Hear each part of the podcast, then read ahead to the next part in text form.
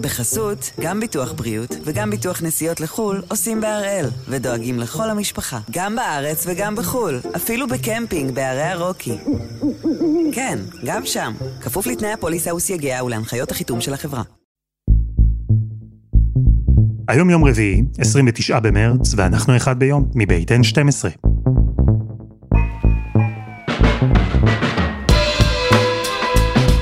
אני אלעד שמחיוף, ואנחנו כאן כדי להבין טוב יותר מה קורה סביבנו, סיפור אחד ביום, בכל יום.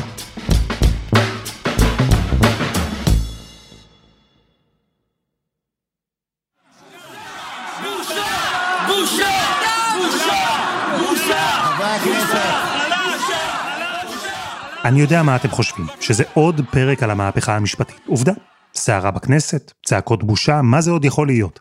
וכן, היה שבוע אינטנסיבי ועמוס עם החקיקה המשפטית, אבל יש הליך חקיקה אחר שצריך לדבר עליו, שחשוב לדבר עליו.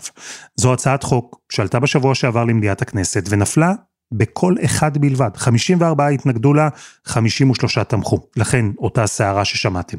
זו הצעת חוק שמתגלגלת בכנסת כבר לא מעט שנים, היו לה שורה ארוכה של יוזמים, מהקואליציה והאופוזיציה, הצעת חוק שאמורה להגן על נשים. הצעת חוק שהשר לביטחון לאומי דרש עכשיו להתנגד לה, כי רצה להביא הצעת חוק חדשה, אחרת לטענתו, טובה יותר. אבל אחרי הפגרה אנחנו נביא את זה, והאופוזיציה כאן, שניצלה היום ניצול ציני, דם, ניצלה היום ניצול ציני של רצח, אני מקווה שהיא תהיה מספיק אחראית. כדי להצביע בעד חוק האיזוק האלקטרוני שאנחנו נביא, הוא יהיה חוק הרבה יותר רציני.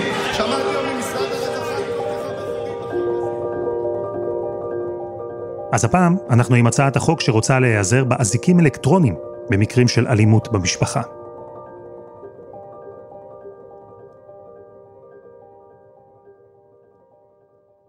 מיכל פעילן, כתבתנו לענייני רווחה, שלום. שלום אלעד. בואי נדבר על אותה הצעת חוק שנפלה בשבוע שעבר, הצעת חוק של חברות כנסת מהאופוזיציה, יחד עם גדעון סער, הוא הוביל אותה הפעם. מה המטרה של החוק הזה? מה הוא בא לתקן? הוא בא לתקן את העובדה שהיום נשים שנמצאות אה, בזוגיות אלימה וחיות תחת פחד מוות, המדינה לא באמת מאפשרת להם איזושהי הגנה. זאת אומרת, אפשרות אחת היא ללכת למקלט, ואם היא בוחרת לא לקחת את הילדים שלה ואת עצמה ולתלוש אותם מהחיים וללכת להסתתר, אז האפשרות השנייה היא צו הגנה. אבל אין שום מעקב אחרי הגבר האלים. העניין הוא באמת לנסות לאפשר לאותה אישה איזה שהם חיים נורמליים תחת האיום הזה שהיא חיה בו. כלומר, אם אישה לא רוצה להיכנס למקלט, היא יכולה לבקש צו הרחקה שמוציאה המשטרה, או צו הגנה שמוציא בית המשפט לענייני משפחה, או בית הדין הרבני. לשני הצווים האלה יש את אותה מטרה, בסוף להרחיק את הצד האלים מהקורבן. אבל מיכל, אנחנו מדברים סך הכל על חתיכת נייר. בדיוק, תבין את המציאות היום. היום בממוצע בשנה אה, יש עשרת אלפים צווי הרחקה. בערך 850 אה, ממוצע בחודש. נתונים של 2021 של הכנסת מדברים על בערך 600 צווים שמופרים בשנה, רובם המוחלט על ידי גברים, אה, שלא ממלאים אחר הצו, ואין אין, אין שום מעקב על זה, אין שום פיקוח. בית המשפט קובע שאותו גבר הוא גבר מסוכן, אסור לו להתקרב לבית שלה, ואז היא לוקחת את דף הנייר הזה, וזהו. זה אמור להגן עליה. מסתמכים על רצונם הטוב של אותם גברים שאיימו על החיים של הנשים שלהם, וכמו שאנחנו רואים את הנתונים, מפרים את הצווים שוב ושוב. איך בכלל מתקבל צו הגנה מבית משפט? מה אישה, למשל, שמתלוננת שבעלה היכה אותה, מה היא צריכה לעשות כדי לקבל אותו? היא ניגשת לבית משפט, בית משפט בודק את כל הראיות שמונחות לפניו, וקובע האם אכן היא נמצאת תחת איום או לא, במידה והשופט מחליט שהיא נמצאת תחת איום, הוא יכול לתת צו הרחקה. קובע לכמה זמן, מה גבולות הגזרה, עם ילדים, בלי ילדים, זה קובע בית משפט. אוקיי, okay, אז הגיעה אותה הצעת חוק לאיזוק אלקטרוני, איזה סמכויות היא נותנת לבית המשפט, לשופט, שלא היו לו קודם? השופט רשאי לקבוע שצו ההרחקה יתבצע יחד עם איזוק אלקטרוני, כשאנחנו מדברים על שני תנאים מצטברים. אחד, ש... שהשופט קובע רמת מסוכנות גבוהה של אותו הגבר, ושתיים, שהייתה הפרה קודמת של צווי הרחקה. Mm, כלומר, הצעת החוק הזו לא תשנה את המציאות מהבחינה הזו שגם בלעדיה בית המשפט היה מוציא צו הגנה, והיה דורש מגבר מכה להתרחק מאשתו, אלא פשוט עכשיו אפשר יהיה לנטר, לאכוף את הצו הזה, לוודא שהוא מתקיים, הכל בעזרת אזיק אלקטרוני.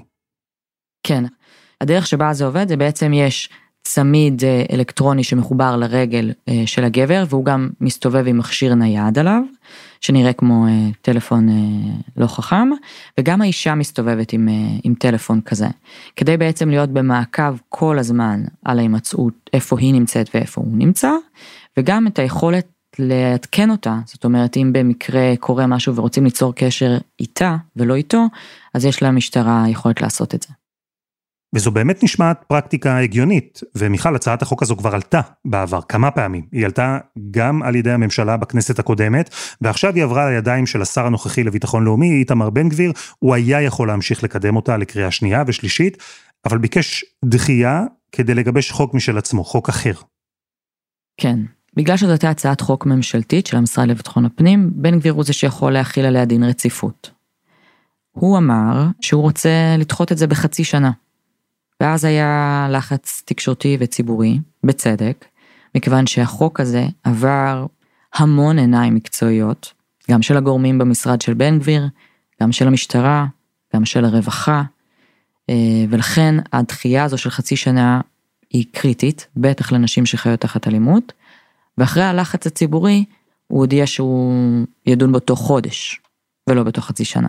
ואז הייתה את המליאה בכנסת, שראינו את אותם אה, חברות אופוזיציה עם האזיק האלקטרוני, שצעקו לו בושה אה, והצבעה, ואז כבר באותו הערב הוא הודיע שהוא כבר גיבש את החוק, והוא יביא אותו אחרי הפגרה.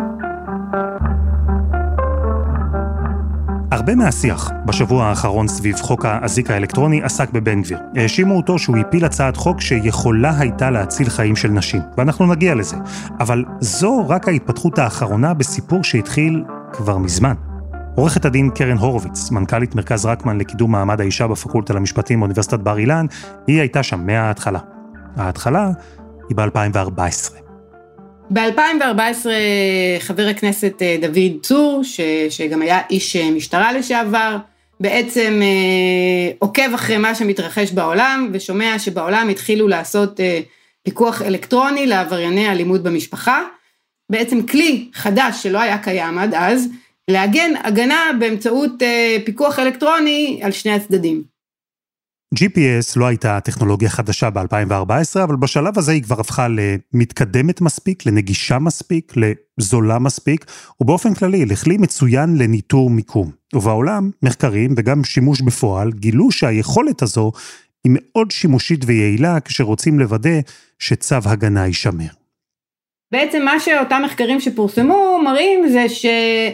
העבריינים שהופעל עליהם אה, הפיקוח האלקטרוני אה, זה מפחית את שכיחות, שכיחות המעצרים החוזרים שלהם, כלומר זה משמש כאמצעי הרתעתי וזה גם אה, מפחית את החרדה ומעלה את תחושת הרווחה אצל הקורבנות. ולכן בעצם המסקנה החד משמעית של אותם מחקרים שיש אפקטיביות בהפעלת הפיקוח האלקטרוני. כשהנתונים במדינות שונות בעולם התחילו להצטבר ושהרעיון ליישם מעקב אלקטרוני במקרים של אלימות במשפחה עלה בישראל, השתמשו בארץ כבר באזיק אלקטרוני, במה שנקרא חלופת מעצר. זו דרך לדאוג שתנועה של אדם מסוכן תוגבל, גם אם לא ממש נכניס אותו לכלא. נכון, אדם שבית משפט קבע שהוא צריך להיות במעצר, היה יכול להחליף את המעצר במעצר בית, כשהוא אה, נקבע לו שהוא לא יכול לצאת מרדיוס מסוים מהבית, וזה היה נאכף באמצעות אזיק אלקטרוני על הרגל בדרך כלל. זה לא היה מקושר בשום צורה לאלימות במשפחה, זה משהו שהשב"ס הפעיל במקרים שלא קשורים בכלל לאלימות במשפחה, זה היה עבור צרכים של אה, מדינת ישראל, גם להפחית עומסים של אה, עצורים, וגם במקרה שהמסוכנות לא הייתה גבוהה, עשו בזה שימוש. אז ב-2014, חבר הכנסת דוד צור רצה לקחת את האזיק האלקטרוני ולהשתמש בו ספציפית לגברים מכים. להשתמש בטכנולוגיה שאפשרה אז לעשות שני דברים. אחד, לוודא שהגבר לא מפר את צו ההגנה, ושתיים, להודיע לאישה, גם למשטרה, במקרה שהוא כן מפר את הצו, ונמצא קרוב מדי אליה. אם בית המשפט אמר שאסור לו להתקרב 500 מטר, או אלף מטר או וואטאבר, אז המערכת צריכה להיות מקוילת בהתאם לצו בית המשפט. האינדיקציה יכולה אה, להופיע במסכים של אותה חדר בקרה, כשהתוקף נמצא ממנה בהתאם למה שנקבע בתו בית משפט, ואפשר, אם אה, מחזיקים חדר בקרה, באותו רגע אה, לייצר אינדיקציה עבור אותה אישה נפגעת. כלומר, אני רוצה רגע להבין, לפי הצעת החוק, האזיק האלקטרוני לא יעביר מידע על המיקום של התוקף כל הזמן, אלא רק אם הוא מפר את הצו? ודאי, גם הרעיון הוא שהמערכות האלה לא יעבירו אינדיקציה באופן כללי אה, לחדר הבקרה, אלא אם כן הוא מתקרב.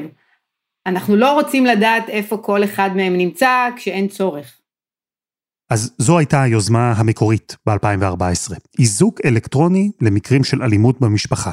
המטרה הייתה להשתמש באזיק במקרים החמורים יותר. שלושה תנאים אה, נכללו בהצעה מ-2014. אחד זה הנסיבות שבהן הוצא צו ההגנה, לא כל צו הגנה בכל נס... הנסיבות זהות, לפעמים הוא מוצא אחרי אה, אירוע אלימות מאוד אה, חמור, לפעמים הוא מוצא אחרי אלימות, אירוע אלימות פחות חמור, יש מדרגים שונים, ולכן התנאי הראשון שנכתב שם, שבית המשפט יצטרך לשקול שלושה דברים, אחד הנסיבות שבשלן הוצא צו ההגנה, שתיים עברו הפלילי של המחויב בצו, ושלוש מידת המסוכנות הנשקפת מהמחויב בצו. מהרגע הראשון, כשעלתה היוזמה, היו אתגרים, היו התנגדויות והייתה ביקורת. דיברו למשל על ענייני תשתית. החוק לא היה מנוסח מספיק טוב כי הוא קצת נשען על חוק הפיקוח האלקטרוני שהיה קיים עד אותו זמן, שפחות היה מותאם למקרים של אלימות במשפחה ופחות היה מותאם לטכנולוגיות של ה-GPS. הרי בסוף אנחנו לא מדברים רק על אזיק או משדר GPS. יש כאן מערך שלם שצריך להקים, מערך שיקבל את ההתראה, שייצור קשר עם השוטרים בשטח, עם האישה. היה צריך לוודא שהטכנולוגיה אמינה מספיק, שהחוק מותאם לכל מיני תרחישים שעלולים לקרות. ועלתה עוד שאלה, שאלת הפרטיות. כי גם אם לא יועברו בזמן אמת למרכז הבקרה, האזיק הרי ינטר את כל התנועות של האדם שנושא אותו, בין אם הוא הפר את צו ההגנה שקיבל, ובין אם לא. זה עלה מהרגע הראשון על ידי משרד המשפטים. לאורך כל הדרך דובר שצריך לעשות איזון, בפרט כשאנחנו מבקשים את הפעלת הפיקוח האלקטרוני על ידי בית משפט למשפחה, שהוא בית משפט אזרחי, לא פלילי. בדרך כלל שלילת זכויות שקשורות לחופש זה משהו שנתון לשופט אה, בערכאות הפליליות, ולכן אה, מלכתחילה זה היה ברור שצריך לעשות פה, להגדיר תנאי סף ש, שיביאו בחשבון את זכויות שני הצדדים לפני שמפעילים את המערכת. הקשיים האלה, והיו גם קשיים אחרים, תקציביים למשל, הם גרמו לכך שהצעת החוק שעלתה ב-2014 לא עברה. אבל היוזמה המשיכה. היו חברי כנסת, היו שרים שהאמינו שאפשר להתגבר על המכשולים, שהתועלת באזיק אלקטרוני לגברים מכים תעלה על פוטנציאל הנזק. נוסחו הצעות חוק דומות על אותו עיקרון, וב-2017 המשטרה ערכה פיילוט למערכת אזיקים אלקטרוניים למקרי אלימות במשפחה. המשטרה בעצם אה, בונה תרחישים, ובמשך בערך כשלושה חודשים הם בודקים את הטכנולוגיה שהייתה קיימת אז, על תרחישים מבוימים, ויוצא איזשהו דוח על ה, לאחר הבדיקה הזאתי. אני חייבת להגיד שכשראיתי את הדוח, הדוח הוא, הוא, הוא לא חד משמעי, הוא מצד אחד אומר במקומות מסוימים שהטכנולוגיה מאפשרת ניטור ברמה סבירה, אה, ובמקומות אחרים הוא מצביע על קשיים אה, בטכנולוגיה, ובעיקר קשיים באופן שבו משטרת ישראל פרוסה ביכולת אה, להגיע למאוים לפני שהמאיים מגיע אליו, למרות האינדיקציה שהניטור נותן שהמאיים מתקרב למאוים. טוב, חייבים להודות, יש פה באמת בעיה. כי אם היו סימני שאלה במה שהוגדרו איזונים, כשהמערכת עובדת והכל מתחבר, אז היתרונות שלה אפילו יותר מוטלים בספק, כשאין מספיק שוטרים בשטח להגיע לזירה, במקרה שבאמת מתקבלת התראה על הפרה של צו הגנה. כן ולא, כי אם אתה מיידע את המאוימת שמי שמאיים עליה בדרך אליה, אז יש דברים שהיא יכולה לעשות. היא קודם כל יכולה לדאוג לא להיות לבד. זה משהו מאוד משמעותי. אנחנו לא מכירים הרבה מקרי רצח או פגיעה באלימות חמורה שקרו כשהמאוימת הייתה בסביבה של אנשים. אם היא תיכנס לבית של השכן, הסיכוי שהאסקלציה של האירוע תגיע לאלימות חמורה יורד פלאים. לכן זה לא מדויק להגיד שאין מה לעשות אם השוטר לא יגיע בזמן. למרות זאת, ולמרות ההתגייסות של פוליטיקאים לקדם את הצעת החוק, גם אחרי הפיילוט המשטרתי, היא נתקעה. הוויכוח המשיך להתנהל, ובינתיים צווי ההגנה נשארו באותה מתכונת של אותן חתיכות נייר. אני חושבת שהבעיה הייתה פה הפעם, באותה עת, לא הדרג הפוליטי, אלא הדרג המקצועי. התחושה שלי כמי שנכחה בהרבה דיונים באותה עת, הייתה שהדרג המקצועי לא היה משוכנע מספיק שזה שווה את המאמץ. דורש הרבה השקעה מבחינת אה, המשטרה, ואני חייבת להגיד, המשטרה, המשרד לביטחון פנים, שהתחושה שלי הייתה שהם לא משוכנעים ש, שזה הדבר הנכון, שזה הכיוון הנכון אה, בכל ההקשר של אה, המאבק באלימות במשפחה.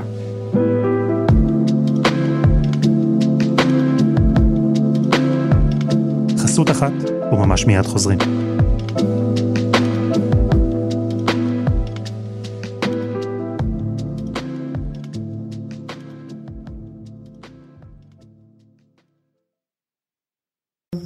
בחסות, גם ביטוח בריאות וגם ביטוח נסיעות לחו"ל עושים בהראל, ודואגים לכל המשפחה, גם בארץ וגם בחו"ל, אפילו בקמפינג בערי הרוקי.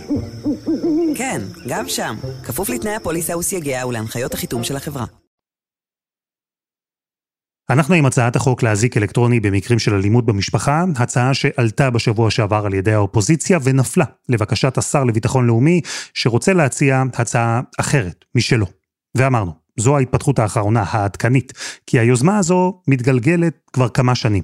נעשה פיילוט ב-2017 על ידי המשטרה, וגם אחריו היו התנגדויות, בעיקר של הדרג המקצועי. הפרויקט הזה שוב נתקע. הכל התנהל בקצב מאוד מאוד מאוד איטי. זה הרי ברור שצריך לעשות עבודת מטה לפני ש, שמרימים כזאת מערכת. זה דרש עבודת ממשלה מאוד רחבה של משרד לביטחון פנים, המשרד, משרד המשפטים, משרד הרווחה, והמשרדים האלה התנהלו בעצלתיים בהקשר זה. היה שם, מאחורי ההתנגדויות והסחבת, גם כנראה איזה מחסום פסיכולוגי. כי שימוש במערכת שמאתרת כל הזמן תנועה של אדם, וזה על פי קביעה של בית משפט אזרחי, לא פלילי, היה דבר שקשה לקבל. וכאן, לדעתה של עורכת הדין קרן הורוביץ, קרה שינוי בישראל. המחסום הפסיכולוגי הזה, השאלות הרבות שהתלוו אליו, הוא כבר נפרץ. אני חושבת, ש... אבל זה השערה אישית שלי, שמה ששינה את, את, את המשוואה היה בעצם הקורונה והשימוש בפיקוח ובמעקב אחרי אנשים בקורונה הפך למשהו שהוא ברור מאליו, לא, לא אגיד שלא היה על זה ויכוחים בציבוריות הישראלית, אבל uh, פתאום זה לא היה נראה בלתי אפשרי לפקח על אנשים ברמה האלקטרונית, ואני חושבת שזה פה uh, עשה איזשהו סוג של uh, קצת שינוי קונספט, אם אנחנו מסוגלים על מנת להגן על הבריאות של האנשים לעשות פיקוח אלקטרוני, אז במקרים ש, שיש אנשים שמפרים צווי הגנה, שמפרים הוראות של בית משפט, והפיקוח האלקטרוני בא נועד להציל חיים או לאפשר לנשים לחזור לשגרה, אז למה לא שם? יכול להיות שזה קשור, אולי זה מקרי, אבל במבחן התוצאה, אחרי הקורונה, גלגול עדכני של הצעת חוק האזיק האלקטרוני, הלכה והתקדמה. ביוני 2020 ההצעה הזאת כן מצליחה לעבור קריאה טרומית, הצעה שחברת הכנסת קרן ברק מהליכוד מקדמת באותה עת, אה, כששר לביטחון פנים הוא אמיר אוחנה, ההצעה עוברת קריאה טרומית ו... ונאמר שהיא תמתין להצעת חוק ממשלתית ואז הם יאוחדו. כלומר, כן אנחנו מרגישות שיש אה, תנועה קדימה, אבל אז גם ממשלות קמות ונופלות והדברים מסתבכים גם ברמה הפוליטית, ובעצם אנחנו רואים תזוזה אמיתית רק בדצמבר אה, 2021. בעצם ב-2021, בסוף 2021 אנחנו ממש רואים שהדברים אה, זזים לכיוון מאוד מאוד מאוד חיובי. תסבירי לי, מה קרה בתקופה הזו שגרם לך לחשוב שהחקיקה תצא לפועל? בפעם הראשונה שאני שומעת אה, אמירה חד משמעית באחד הדיונים בכנסת מפי אליעזר אה, רוזנבאום שהוא המשנה למנכ"ל של המשרד לביטחון פנים שהוא אחראי על הנושא הזה מהיום הראשון הייתה ב-2021 אחרי שהם חזרו מביקור בספרד שם הם בדקו איך המערכת הזאת מופעלת ו, ושם הוא, הוא חוזר ו, ואומר בדיון דברים מאוד מאוד מאוד חזקים. הוא אומר שבספרד אה, מספר הנרצחות בשנה היה 100 ובעקבות השימוש בפיקוח האלקטרוני הם ירדו ל-50 הוא ממש אומר, אין ספק שהמערכת הטכנולוגית משפרת את הביטחון ואת ההגנה על נשים, ועובדה, המספרים ירדו גם אם לא חוסלו. אני מצטטת פה את אותו. היוזמה שנולדה בכנסת ב-2014 קיבלה עכשיו צורה מגובשת יותר, היא נוסחה להצעת חוק בכנסת הקודמת, היא התחילה להתקדם. נקבע שם מנגנון שמסביר באילו תנאים אזיק אלקטרוני בכלל יהיה רלוונטי. זה תמיד יקרה אחרי שבית המשפט כבר נתן צו הגנה שמגביל את הגבר מלהתקרב לאישה. ורק במקרה שיש סכנה ממשית שהצו הזה יופר, או אם הערכת המסוכנות היא גבוהה במיוחד. בהצעת החוק החדשה הוסיפו גם סעיף שארגוני הנשים לא אהבו במיוחד. שאזיק אלקטרוני יוצמד לגבר במקרים שבהם אי אפשר להשיג את המטרה שלו בדרכים מגבילות פחות. אנחנו, כשראינו את הסעיף הזה, מאוד מאוד לא אהבנו אותו, כי בעצם הוא נותן יותר משקל לזכויות הפוגע מאשר לזכויות הנפגעת. כי תמיד אפשר להשיג את המטרה שלשמה נועד הפיקוח האלקטרוני בדרך אחרת. תצאי למקלט, תעברי דירה, תיעלמי, תסתגרי בבית, זה לא מידתי מספיק בעיניי איך שהחוק מנוסח כרגע. יחד עם זה, אנחנו סברנו שקודם כל צריך להוציא לדרך את החוק הזה, ולהוציא לדרך את החוק הזה ולהתחיל להפעיל את המערכת. ברור לנו שאחרי שהמערכת תופעל, יהיו הרבה תובנות והרבה דיוקים ויהיה צורך אה, לדייק את המערכת. ופה נכנס לתמונה השר החדש לביטחון לאומי, איתמר בן גביר. כי הכנסת הקודמת נפלה עוד לפני שהחוק עבר את כל מסלול החקיקה, והחוק עבר עכשיו לידיים שלו. והוא, בן גביר, כבר אמרנו, ביקש דחייה כדי לנסח הצעת חוק חדשה. גם לא היו הסתייגויות מהצעת החוק הקודמת. אז השר כינס פגישה, הוא הזמין את ארגוני הנשים כדי להקשיב. להפתעתן, הוא הזמין גם כמה ארגוני גברים. בדרך כלל אין קצת פחות אפקטיבי לנהל את הדיונים האלה כאשר נמצאים אה, על אותו שולחן אה, גם מי שבעד וגם מי שנגד, זה פשוט ברמת הניהול, אה, זה פחות אפקטיבי. אני יודעת שמשרדי ממשלה נפגשים גם עם ארגוני נשים וגם עם ארגוני גברים, בדרך כלל עושים את זה בנפרד כי זה פשוט הרבה יותר אפקטיבי לשמוע את הצדדים בנפרד ולא לייצר איזשהו קונפליקט בין, בין הצדדים.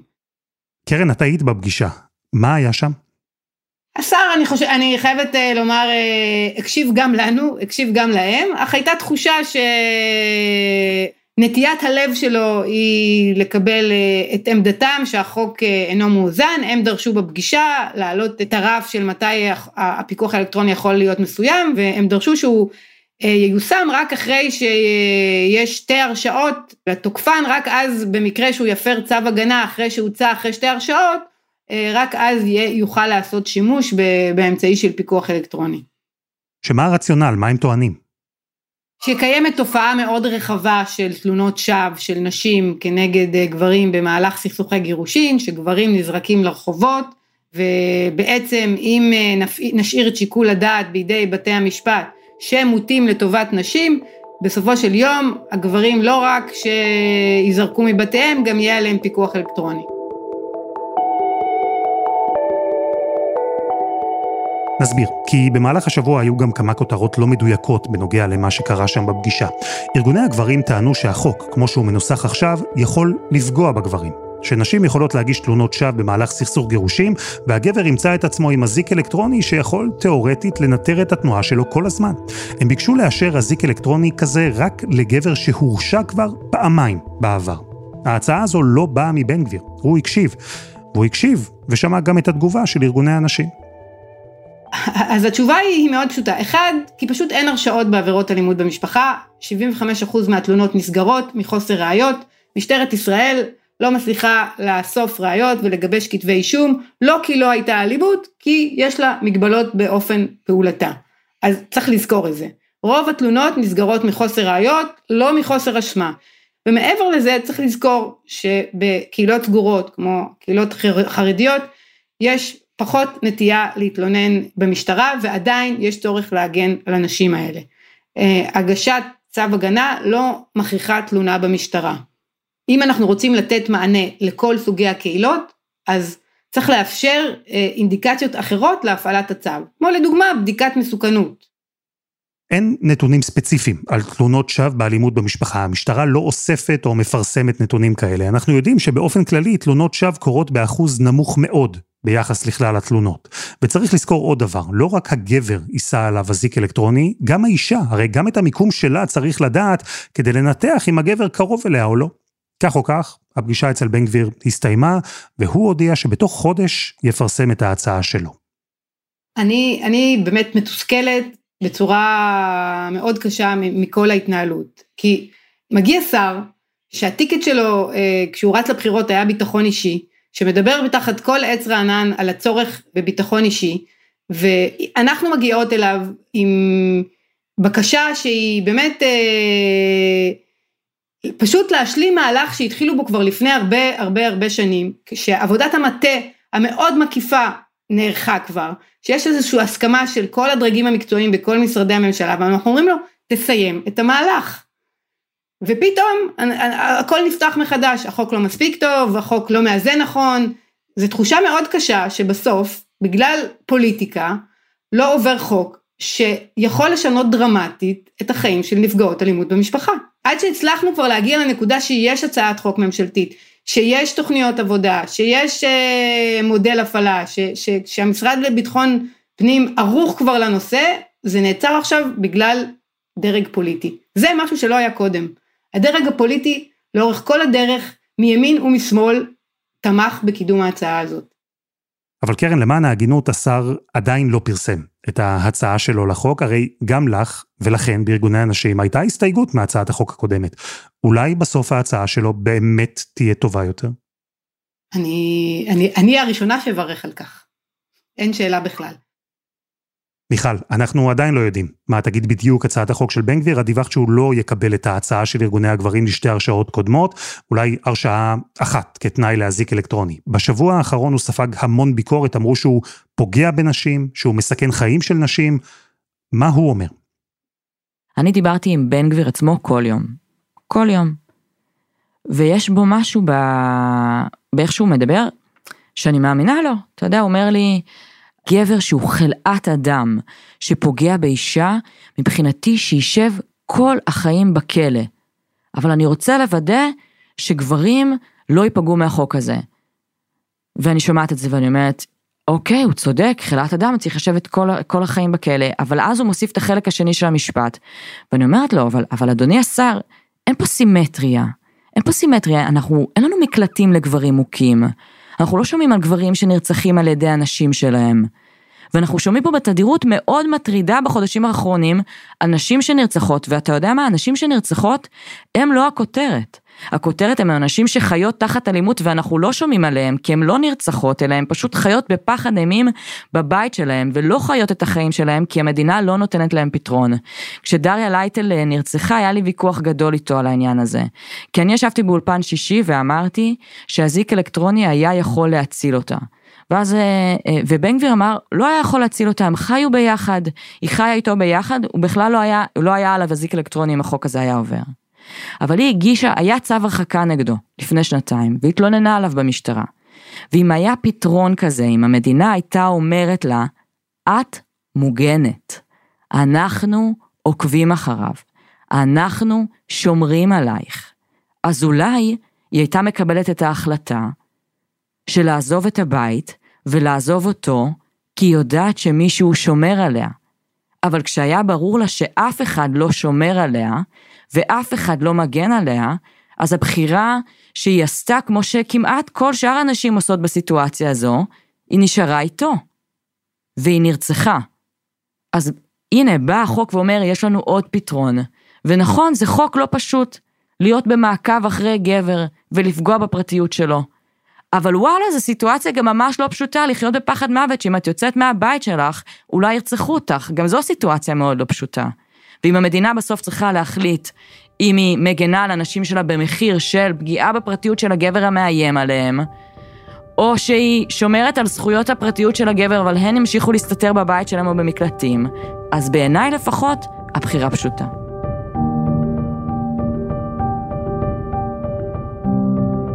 מיכל פעילן, תודה. תודה, אלעד. ותודה לעורכת הדין קרן הורוביץ.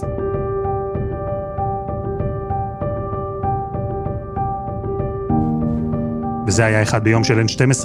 אנחנו מחכים לכם בפייסבוק, חפשו אחד ביום, הפודקאסט היומי. העורך שלנו הוא רום אטיק, תחקיר והפקה רוני ארניב, דני נודלמן ועדי חצרוני, על הסאונד יאיר בשן שגם יצר את מוזיקת הפתיחה שלנו. אני אלעד שמחיוף, אנחנו נהיה כאן גם מחר.